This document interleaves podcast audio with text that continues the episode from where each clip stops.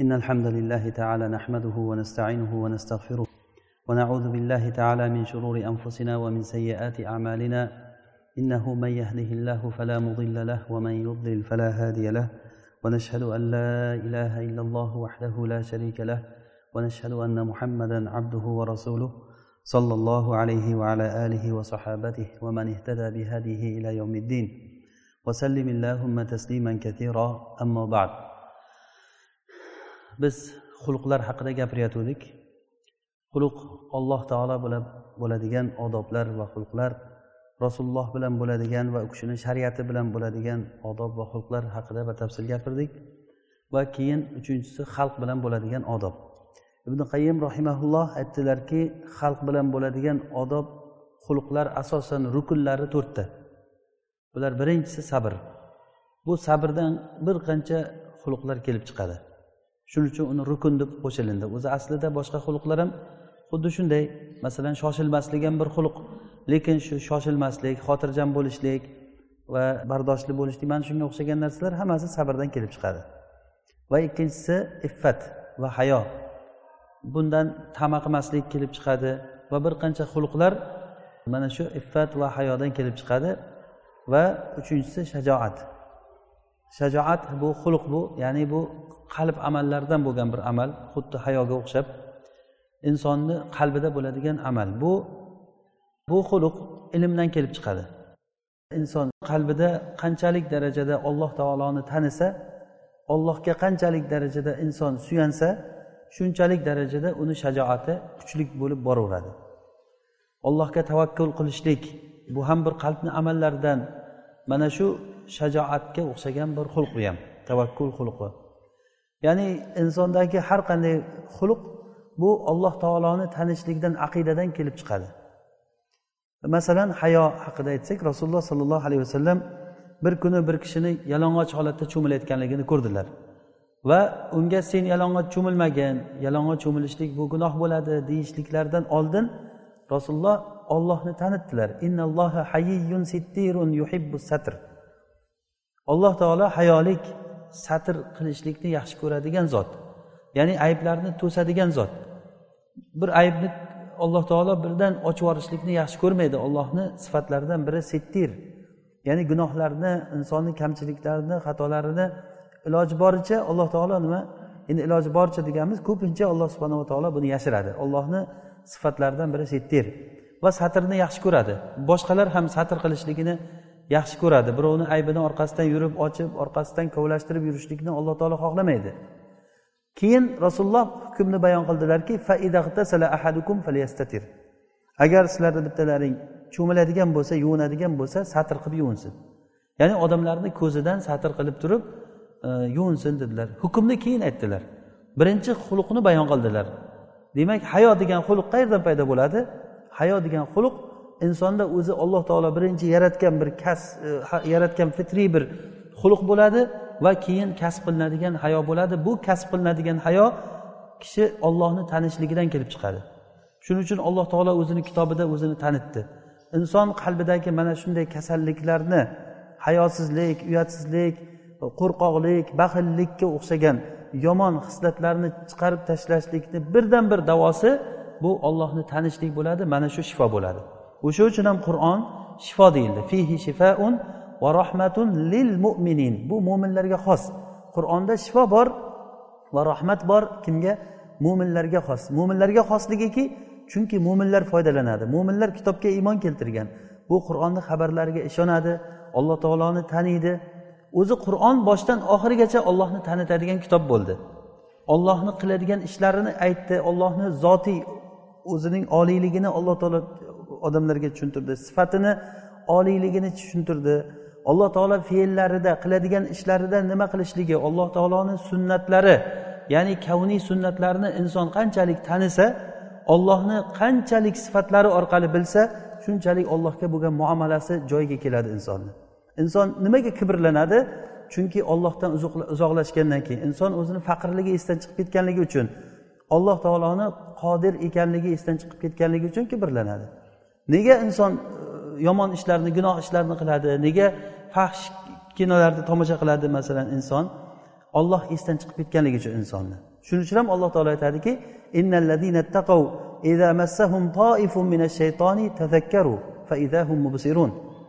ya'ni taqvodor kishilar agarda shaytondan ularga bir adashtiruvchi narsa kelib qolsa shaytondan shu ma'noda ular ollohni eslaydilar. O'sha paytda faidahum mubsirun. Qarasalar yana o'zi ko'zlari ochiladi. Inson qachon gunoh qiladi desa javob shuki ollohni unutgan paytda gunoh qiladi. Demak o'sha uchun ham ollohni eslatishlikni eslatma deyildi eslatishlik deyildi. Inson qalbida agar ollohni eslab tursa gunoh qilmaydi. Ollohni unutgan paytda inson g'aflatda qolgan paytda gunoh qiladi. O'sha uchun ham shaytonni asosiy o'qini otadigan nishoni inson qalbida o'sha ma'rifat joyiga insonni katta shubhalarni shayton tashlaydiki insonni boshqariladigan roli o'sha joyda. Agar o'sha joyga shu shayton shubhalarini o'rnashtira olsa u inson shaytonniki bo'ladi. Balki shaytonni o'zi qilolmaydigan ishni ham qilib kelaveradi u. Xuddiki masalan inson bir ishni o'zi qilolmasa bir joyga boraman desa odamlar tanib qoladi uni. Lekin bir odamni jo'natishi mumkin o'zini nomidan. Yaxshilab gazlab gazlab uni o'rgatib turib o'sha joyga qo'yib yuborsa borib turib ko'p ishlarni bitirib kelishligi mumkin. Ya'ni bu shayton qilolmayotgan ishni ba'zi bir insonlardan bo'lgan shaytonlar qilib beradi. Masalan fahshga insonni qalbida o'zi asli fahshga insonni qalbida bir moyillik bo'ladi. Shayton inson qalbiga kirib turib shu fahshga uni undaydi. Alloh taoloni kechiruvchi ekanligini alloh taoloni kerak bo'lsa esdan chiqarishlikka harakat qiladi insonni. Keyin o'zini tayyorlab qo'ygan haligi avratlarini ochib yuradigan ayollarni uni oldiga qo'yib yuboradi. Keyin inson o'sha holatni ko'rgandan keyin shayton bu odamni qo'lidan ushlab olib ketolmaydi lekin ayollar buni qo'lidan olib ketishi mumkin. E, gapi bilan har xil qiliqlari bilan rasululloh sollallohu alayhi vasallam aytdilarku sizlardan ko'ra ayollar jamoasiga aqli noqis dini noqis bo'lib turib yana eng puxta aqlli odamni esdan es hushini ketkazib qo'yadigan odamni xalqni ko'rmadim deganlar. Ya'ni ayollar shunchalik darajada odamlarni yo'ldan ozdirib ketishligi mumkin. Ya'ni shayton o'shalardan foydalanadi. Bu bir misol. Bugun to'rtinchi xuluq adolat haqida adil haqida gapiramiz. Demak bizga uchtasi o'tdi. Sabr va iffat hayo va uchinchisi shajoat. Buni kelib chiqish joylarini aytdik va bu oxirgisi adolat. Bu to'rtta xuluq asosan insonlar bilan bo'ladigan muomala xulqni rukunlari hisoblanadi dedik. Buni ustiga boshqa xulqlar ko'p ko'p xulqlar quriladi. Masalan adolat ustiga quriladi insof ya'ni o'zi asli adolatni tarifida shunday ham aytiladi. Inson o'zi tarafidan boshqaga insofni ravo ko'rishligi insof qilishlik degani. Ya'ni boshqa bir tarifda adolat degani bir narsani o'ziga loyiq joyiga loyiq o'rniga qo'yishlik adolat deyiladi. Yoki bo'lmasa haqdorlarga o'zini haqqini to'liq berishlik adolat deyiladi. Haqdorlar masalan kimdir ko'proq haq egasi bo'lishligi mumkin kimdir ozroq haq egasi bo'lishligi mumkin. Har bir haq egasiga haqqini berishlik adolat bo'ladi. Alloh subhanahu va taolo bu koinotni yeru osmonni haq bilan adolat bilan yaratdi. Va bunda o'zini qonunini joriy qildi. Alloh taoloni qonunlari ikki xil bo'ldi. Kavniy qonunlar dedik bu kavniy qonunlar quyosh chiqishligi oy aylanishligi va hokazo. Bular hech qanday o'zgarmaydigan bir qonun bo'ldi. ذلك تقدير العزيز العليم والقمر قدرناه منازل حتى عاد كالعرجون القديم الآية ya'ni quyosh o'zini yo'lida yuradi oy o'zini yo'lida yuradi hech qachon quyoshdan o'zib ketolmaydi shamollarni esishligi yomg'irlar yog'ishligi insonni o'zida bo'layotgan narsalar hammasi ham biz kun isib ketsa ter chiqadi bizdan ana shu holatlarda alloh taoloni qonunidan hech kim chiqib ketolmaydi Alloh taolo mana shu koinotdagi qonunni adolat bilan haq bilan yaratdi. Qiyomat kunida alloh taolo adolat tarozisini qo'yishligini xabar berdi bizga.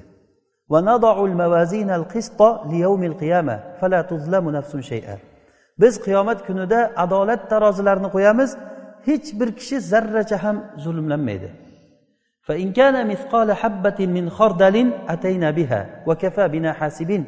Agarda insonni qilgan amali zarra misqolichalik bir narsa bo'lsa ham shuni olib kelib taroziga qo'yamiz. Yaxshilik bo'lsa ham yomonlik bo'lsa ham.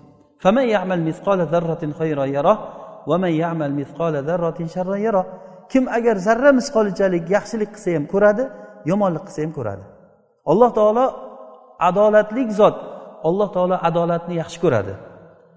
Olloh bu koinotni haq bilan yaratdi va alloh taolo payg'ambarlar yubordi.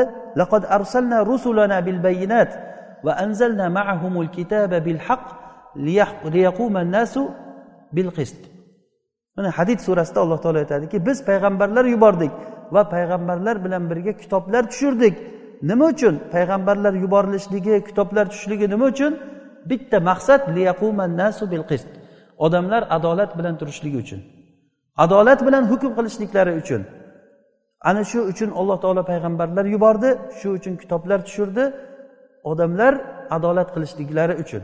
U adolat olloh bilan bo'ladigan adolat. Hozir biz xulqlarni shundan aytyapmizda. Adolat bu hammaga hammasiga tegishli bo'ladi. Bu adolat ollohni shariatiga bo'lgan adolat rasulullohga bo'lgan adolat insof qilishlik. Xuddi rasululloh sollallohu alayhi vasallam aytganlari kabi addinu an nasiha rasululloh aytdilarki din bu nasihatdan iborat. Qolu liman ya rasululloh? Qala lillahi va li kitabihi va li rasulihi. Va li aimmatil muslimina va ammatihim bu nasihat kimga? Ollohga ollohga qanday adolat e, e, nima qil nasihat qilinadi? Ollohni rob deb tan olishligingiz mana shu sizdan ollohga bo'lgan insof. Ya'ni biz boshda adolatni ta'rifida aytdiku haqdorlarga haqqini berishlik deb. Xuddiki rasululloh sollallohu alayhi vasallam aytganlari kabi ollohni bandalar ustidagi haqqi nima? Sheriksiz yolg'iz o'ziga ibodat qilishliklari. Mana bu ollohni haqqi. Kimda kim ollohni mana shu haqqini bermaydigan bo'lsa bu odam insof qilmayapti. Bu odam zulm qilyapti degani. Zulmni eng kattasi shuning uchun ham mana shu zulm bo'ldi shirk. Inna shirka la zulmun azim. Shirk eng katta zulm. Shirkni boshlanishligi zulm. Yoki rasululloh uchun insof qilishlik nasihat qilishlik bu qanday rasulullohni nabiy deb tan olishlik bilan bo'ladi? Rasulullohni sunnatlariga ergashishlik bilan bo'ladi. Quruq tilimiz bilan biz rasululloh deb qo'yib rasulullohga iymon keltirdik alhamdulillah biz rasulullohni ummatimiz degan odamlar sunnatdan biror narsa bilmasa sunnatdan biror narsaga amal qilmasa sunnatni himoya qilmasa sunnatni tiriltirishlikka harakat qilmasa bu rasulullohni nabiy deb tan olganligini qayerdan isboti bo'ladi?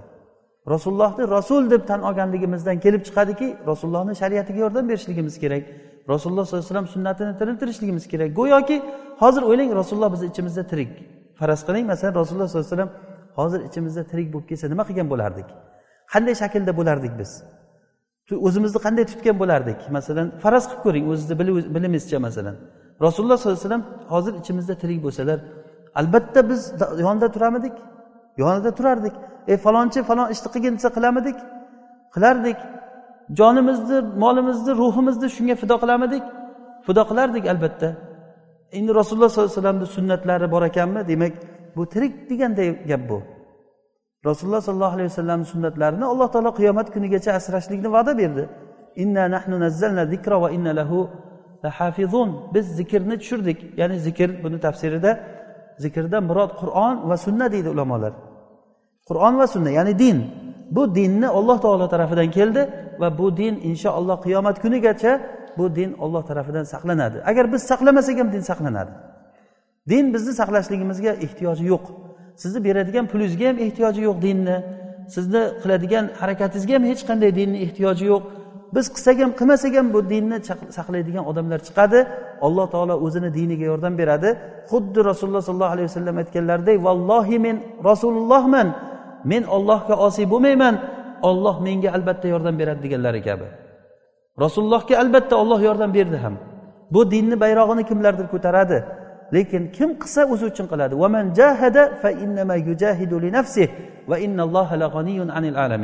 Kim agar harakat qiladigan bo'lsa kim agar ollohni dinini oliy qilishlik uchun harakat qilsin qo'li bilan bo'ladimi moli bilan bo'ladimi qalami bilan bo'ladimi qilichi bilan bo'ladimi nima bilan bo'lsa ham ollohni kalomini oliy qilishlikka harakat qiling u o'ziz uchun qilasiz.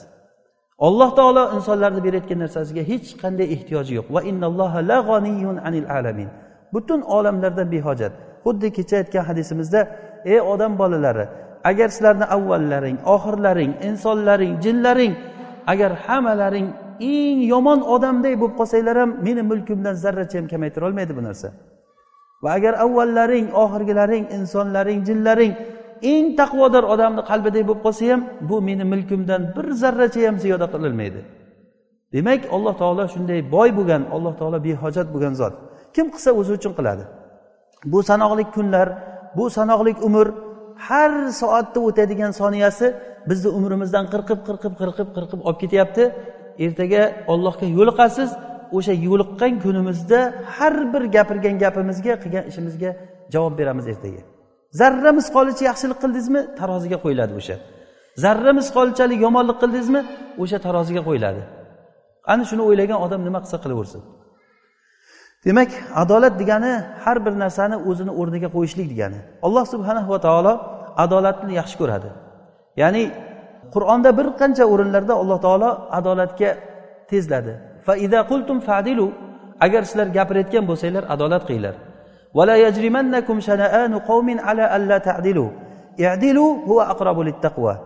Agar sizlarni bir qavmni adolatsizligi bir qavmni sizlarga nisbatan bo'ladigan zulmi sizlarni adolatsizlikka olib kelmasin. Adolat qilinglar adolat qilishlik bu taqvoga yaqin dedi alloh taolo. Demak ollohni payg'ambar yuborilishligi yuborishligi kitoblarni nozil qilishligidan birdan bir maqsad odamlar adolat bilan turishliklari uchundir. Alloh taolo adolat qilgan odamlarni bu dunyoda adolat qilgan odamlarni qiyomat kunida gavhardan bo'lgan lulu deb turib o'sha duru gavhardan bo'lgan qiyomat kunida minbarlarni ustida alloh taolo ularni turg'izadi bu dunyoda adolat qilganliklari uchun. Bu rasululloh sollallohu alayhi vasallamni hadislari innal muqsitina fid dunya ala manabira min lu'lu'in yawmal qiyama bayna yadayir rahman bima aqsatu fid dunya. Dunyoda adolat qilganliklari uchun. Ya'ni qiyomat kunida e, alloh taolo o'zini soyasida soyalantiradigan yettita odamni bilamiz. Yettita odamni alloh taolo qiyomat kunida o'zini soyasida soyalantiradi u kunda shu soyadan boshqa yo'q bo'lgan soya. Bulardan birinchisi imomun adil adolatli imom. Ya'ni demak bu juda katta ish bu. Bundan bilamizki alloh taolo adolatni yaxshi ko'radi. Adolat bu har bir narsada so'zimizda adolat birinchi o'rinda adolat qalbdan boshlanadi. Bu xulq bu. Xuddiki hayodagi gapni yana takrorlashligimiz mumkin bu yerda ya'ni adolat inson o'z ich ichidan adolatni sevib ya'ni fitrat bo'layotgan narsa bu. Alloh taolo insonlarni adolatni sevadigan qilib yaratgan. O'sha uchun ham adolatsiz e, hukmga hech kim rozi bo'lmaydi. Hattoki kofirlar ham. Umuman ollohdan xabari yo'q bo'lgan kitob nima rasul nima payg'ambar nima bilmaydigan odamlar ham hech narsani bilmaydigan odamlar ham adolatni yaxshi ko'radi. Mana bu inson qalbida alloh taolo yaratgan bir fitriy adolat. Bu birinchi tomoni. Ikkinchisi adolat bu olloh tarafidan beriladigan shariatni o'rganishlik bilan bo'ladi. Mana shu ikkita narsa bir biriga qo'shilishligi bilan bo'ladi. Inson qalbida birinchidan adolatni xohlashligi va ikkinchidan ollohni tushirgan shariatiga ergashishlik bilan adolat adolat ro'yobga chiqadi. Agarda shariatga ergashmasa kishi adolat qilolmaydi. Adolat qilishlikni xohlasa ham adolat qilolmaydi. O'sha uchun ham ba'zi odamlarni ko'rasiz.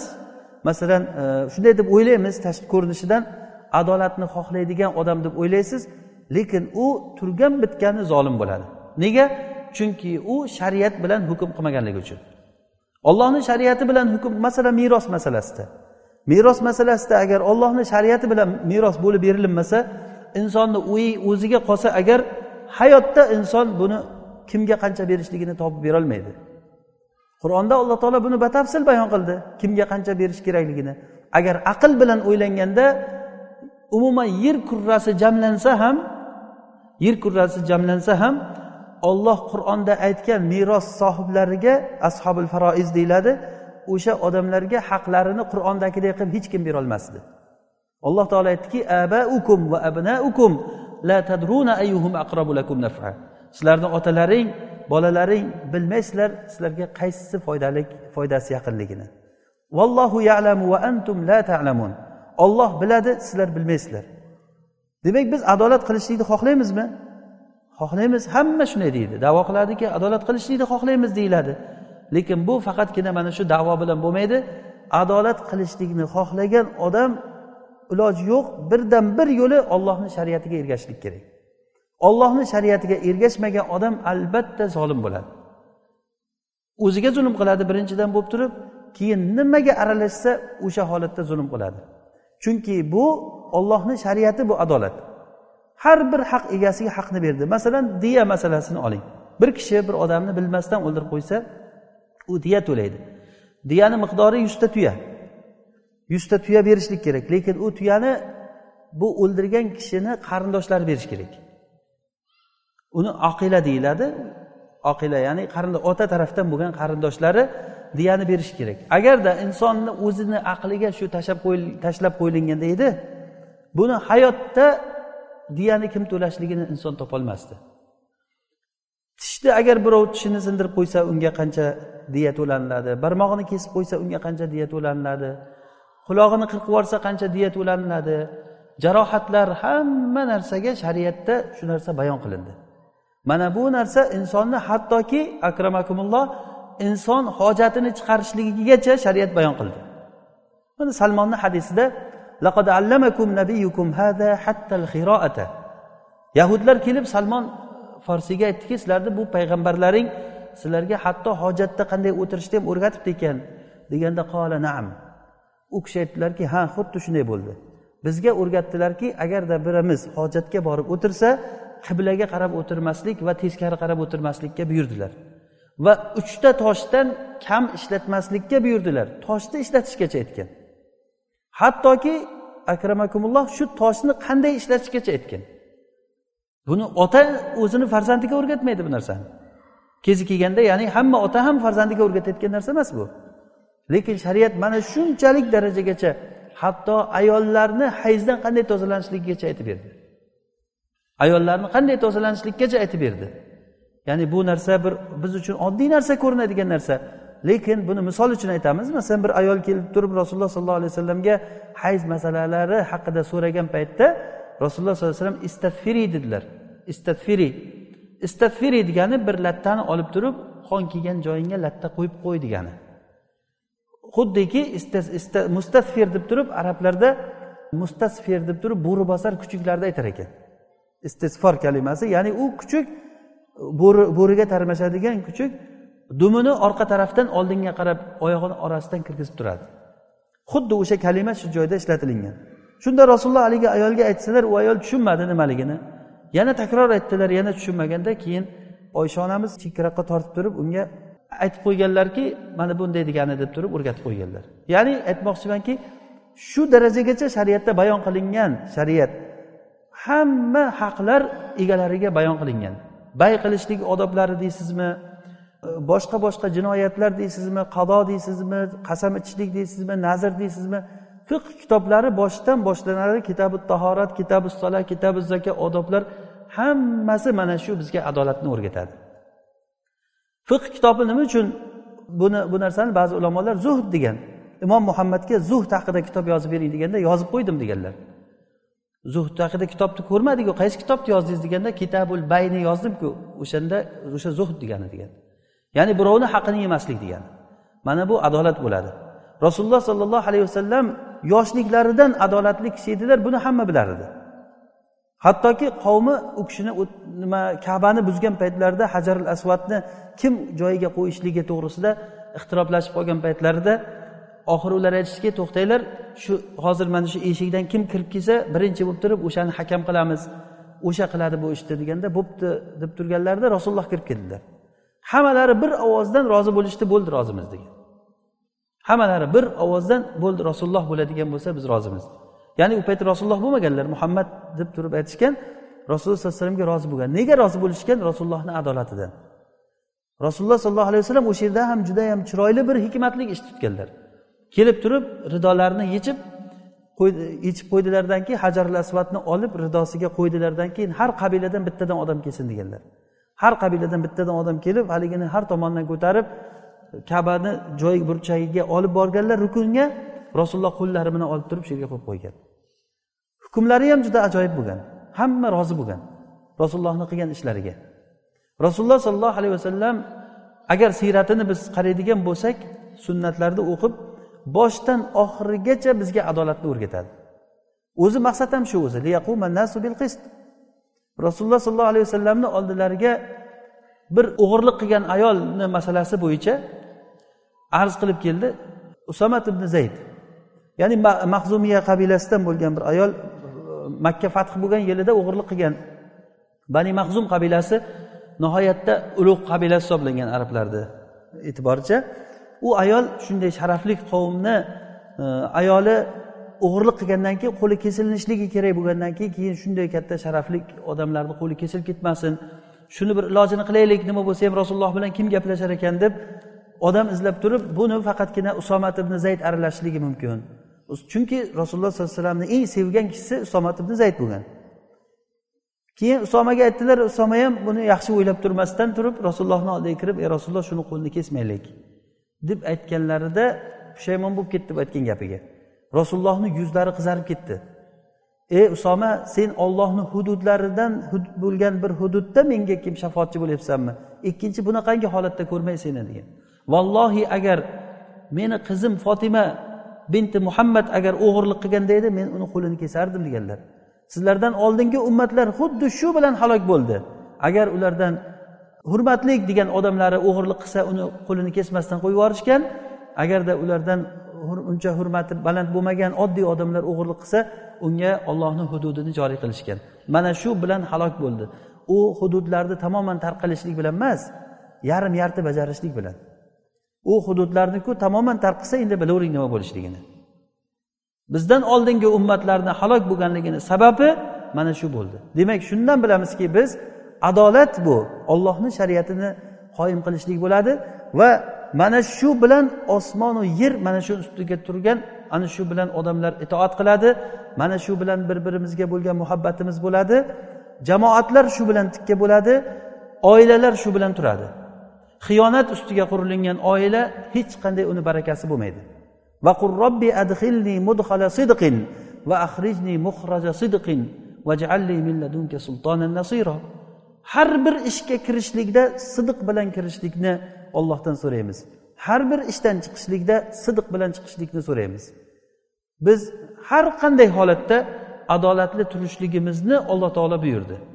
Hattoki guvohlik bergan paytda alloh taolo aytdiki guvohlik ya ayyuhallazina amanu kunu qawwamina lillahi shuhada bil qist. Olloh uchun turadigan bo'ylar ey iymon keltirgan bandalar va adolat bilan guvoh bo'ladigan bo'ylar.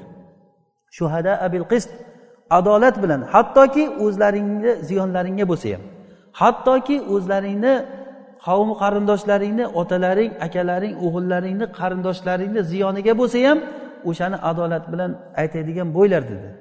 Mana bu bizga alloh taoloni buyrug'i bu. Iymonlik odamlarga buni alloh taolo xitob qilib aytdi. Ya ayyuhallazina amanu deb. Demak bu iymonni muqtazosi. Kimdaki agar ollohga bo'lgan iymon bo'ladigan bo'lsa ollohga va oxirat kuniga ishongan bo'layotgan bo'lsa bu odam adolat qilishlik kerak. Adolat qilishlik uchun yana takror aytamiz. Birinchidan inson qalbidan shu adolat qilishlikni istash kerak. Ikkinchidan shariat bilan hukm qilishlik kerak. Ba'zi odamlar bor bir to'da bo'lib turib o'zlaricha adolatni ro'yobga chiqaramiz deydidan keyin bir haqdor odamga haqqini olib bermoqchi bo'ladilar. Ularni o'zlariga yarasha bir qonun qoidasi bo'ladi.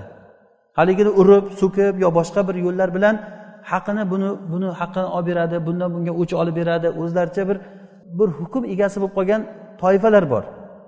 E, bulardan so'rasangiz o'zlaricha adolatni qilyapmiz deb o'ylaydi. Lekin vaholanki ular zolim odamlar. Agar adolat qilaman deydigan bo'lsa ular shariatga ergashishlik kerak. Shariat bu hamma narsani yechib beradi. Hozirgi aytganimizdek salmonni hadisda kelgani kabi hattoki hojatxonadagi odoblargacha yechib bergan shariat hech bir narsani e'tibordan chetda qoldirmadi. Alloh taolo aytdiki al yawma akmaltu lakum dinakum va atmamtu alaykum ni'mati. Men bugun dinni komil qildim ne'matimni tamomiy qildim. Demak ollohni dini komil bo'lgan. Biz mana shu din bilan yashab mana shu din bilan hayotdan o'tishlikka buyurilindik tamutunna illa va antum muslimun. Ey iymon keltirgan bandalar ollohdan haqiqiy taqvo qilishlikda taqvo qilinglar. Ollohdan qo'rqinglar va musulmon bo'lib bu dunyodan o'tinglar. Musulmon bo'lib dunyodan o'tishligimiz bu shariatga amal qilishlik bilan bo'ladi. Ba'zi ulamolar aytishadiki imom buxoriy rahimaulloh o'zini kitobini kitabul vahiy bilan boshladi va eng oxirida kitabu tavhid bilan tugatdi. Ya'ni bu bilan imom ishora qilmoqchilarki kim agar dunyodan tavhid bilan chiqaman desa bu dunyoda vahiy bilan yashasin degani kim agar shu vahiy bilan yashasa inshaalloh albatta uni xotimasi yaxshi bo'ladi inshaalloh bu suhbatimizni hali davomi bor alloh taolo hammamizga foydali ilm bersin o'rgangan eshitgan ilmlarimizga alloh taolo amal qilishlikka o'zi tavfiq bersin سبحانك اللهم وبحمدك نشهد أن لا إله إلا أنت نستغفرك ونتوب إليك صلى الله وسلم على عبدك ورسولك محمد وعلى آله وصحبه وسلم